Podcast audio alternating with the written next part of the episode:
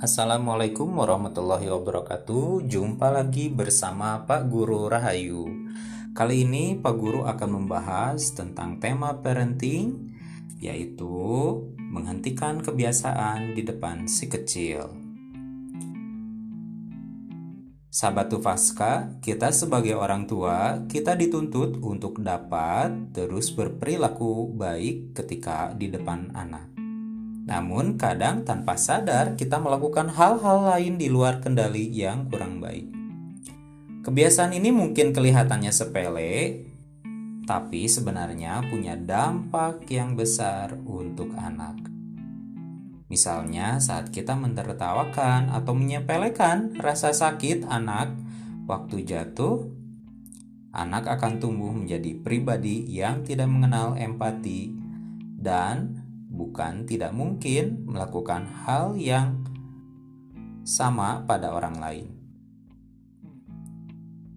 Berikut adalah 10 kebiasaan yang harus kita hentikan di depan anak. Seperti yang pertama, memukul, menertawakan saat anak jatuh, berkata kasar dan kotor, mengancam anak agar menurut, memaksa agar berbagi membentak anak agar berhenti menangis, melabeli anak, mengejek orang lain di depan si kecil, merendahkan dan memarahi anak di depan orang lain, dan yang terakhir, menolak emosi negatif anak seperti sedih, kecewa, dan marah.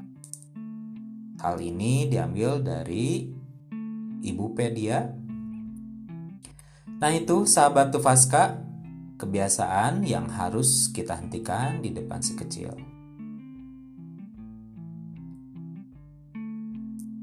Nantikan tips-tips lainnya atau info parenting lainnya tetap di saluran podcast digital parenting. Assalamualaikum warahmatullahi wabarakatuh.